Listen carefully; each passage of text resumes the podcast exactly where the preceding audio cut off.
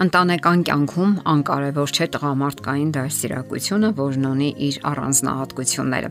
Այն կարող է տարբերվել կանացի մոտեցումներից եւ դրանում ոչ մի զարմանալի կամ անսովոր բան չկա։ Պարզապես ծնողները չպետք է հակասեն միմյանց եւ հակադրություններ չունենան։ Ամուսինները հոգում են երեխաների առողջության մասին Կանանց մոտ դա դրսևորվում է ժամանակին նրանց կերակրելով, քնեցնելով, որոշակի կանոնների հետևելով եւ նրանց սովորեցնելով։ Իսկ հա տղամարդիկ այլ կերպ են հոգում երեխաների մասին։ Նրանց առումով դա դրսևորվում է շարժական խաղերի ձևով Հայրերը ավելի շատ են խաղում երեխաների հետ, վազվզում, կատակով պայքարում նրանց հետ։ Հայրերը կարող են երեխաների հետ երկար լողալ, մնալ ջրում, ինչև կգա անհանգստացած մայրը եւ կբղավի, որ դուրս գան, որովհետեւ ցուրտ է եւ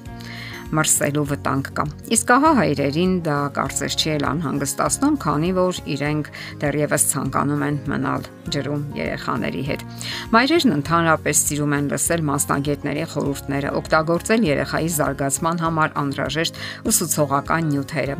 պատրաստի խաղալիքներ եւ այլն։ Իսկ ահա հայրերը երեխաներին զարգացնում են իրական օբյեկտների եւ պատկերների օգնությամբ, շրջապատող իրականությունը վերածելով զարգացնող միջավայրի կամ երեխայի ձեռքն են տալիս զանազան գործիքներ եւ ծանոթացնում տեխնիկայի հետ։ Երեխաների զարգացման համար հայրերը կարող են օգտագործել ամենասովորական մեքենան։ Մեքենաները լինում են տարբեր, թե գույնով, թե չափով, թե արագությամբ։ Այս ամենը հայրերը կարող են բացատրել տարբեր եղանակներով։ Այսպես երեխաները ծանոթանում են առարկաների չափերին, ունենում են ժամանակի զգացողություն պատկերացում են կազմում արագության մասին եւ այլն։ Ընդ որում, սկզբում դա կարող է լինել խաղալիք մեքենան։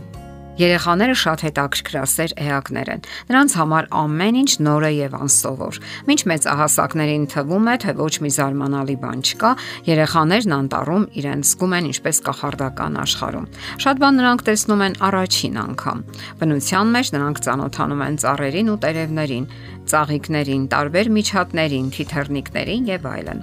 Հայրերը կարող են ոչ միայն վազել եւ շարժական խաղեր խաղալ, այլև հաշվել առարկաները, ծանոթացնել գույներին, պատմել ծառերի ու կենդանիների առանձնահատկությունների եւ նրանց բնորոշ հատկությունների մասին հայրերը երեխաներին ծանոթացնում են նաև էլեկտրոնիկայի հետ։ Այս բնակավարը որոշակիորեն նրանց է պատկանում։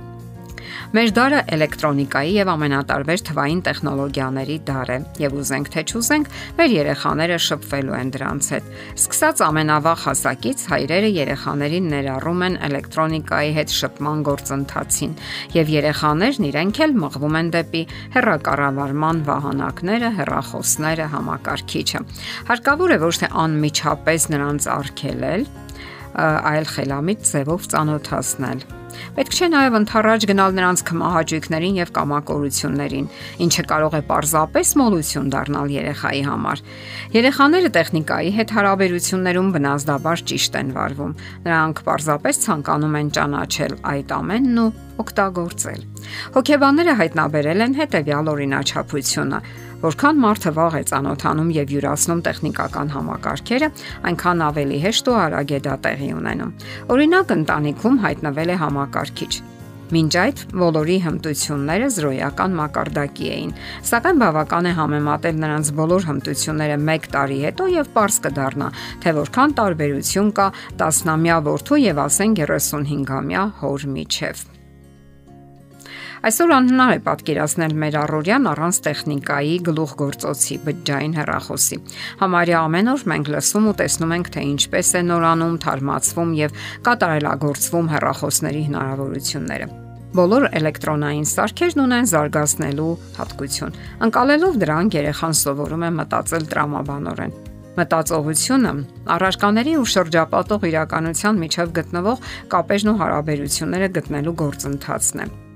Իսկ հեռախոսը բավականաչափ զարգացնող հատկություն ունի։ Հայրերը կարող են երեխաներին ծանոթացնել ձայնային հնարավորությունների հետ, ավտոմատ ձայների հետ, գունային խաղերի հետ եւ այլն։ Լավ է նաև ֆոտոապարատը, հատկապես օգտակար է թվայինը։ Երեխան տեսնում է, թե ինչպես են իրերն ու երևույթները արագ վերածվում պատկերների։ Այս ձևով կարելի է զարգացնել նաև երեխաների տեսողական հիշողությունը, նրանց հարցնելով, թե ինչն է հիշում նա իրականության մեջ, ինչն է բացակայում։ Իսկ երբ երեխան տեսնում է իր նկարները, նրա մեջ բուրըն թափով զարգանում են ինքնուրույնացման, ինքնաճանաչման, ինքնադրսևորման մեխանիզմները։ Իսկ այս բոլորը ուղղակիորեն կապված են երեխայի անznավորության հետ։ Դե ի՞նչ, հայրերը բավականաչափ անելիք ունեն երեխաների դաստիարակության այս մեղմնավոր դաշտում։ Երանդու խաղերի ժամանակ երեխան դիմակայում է որոշակի սթրեսների եւ դա դրական է ազդում նրա հոգեբանական ճկունության զարգացման վրա։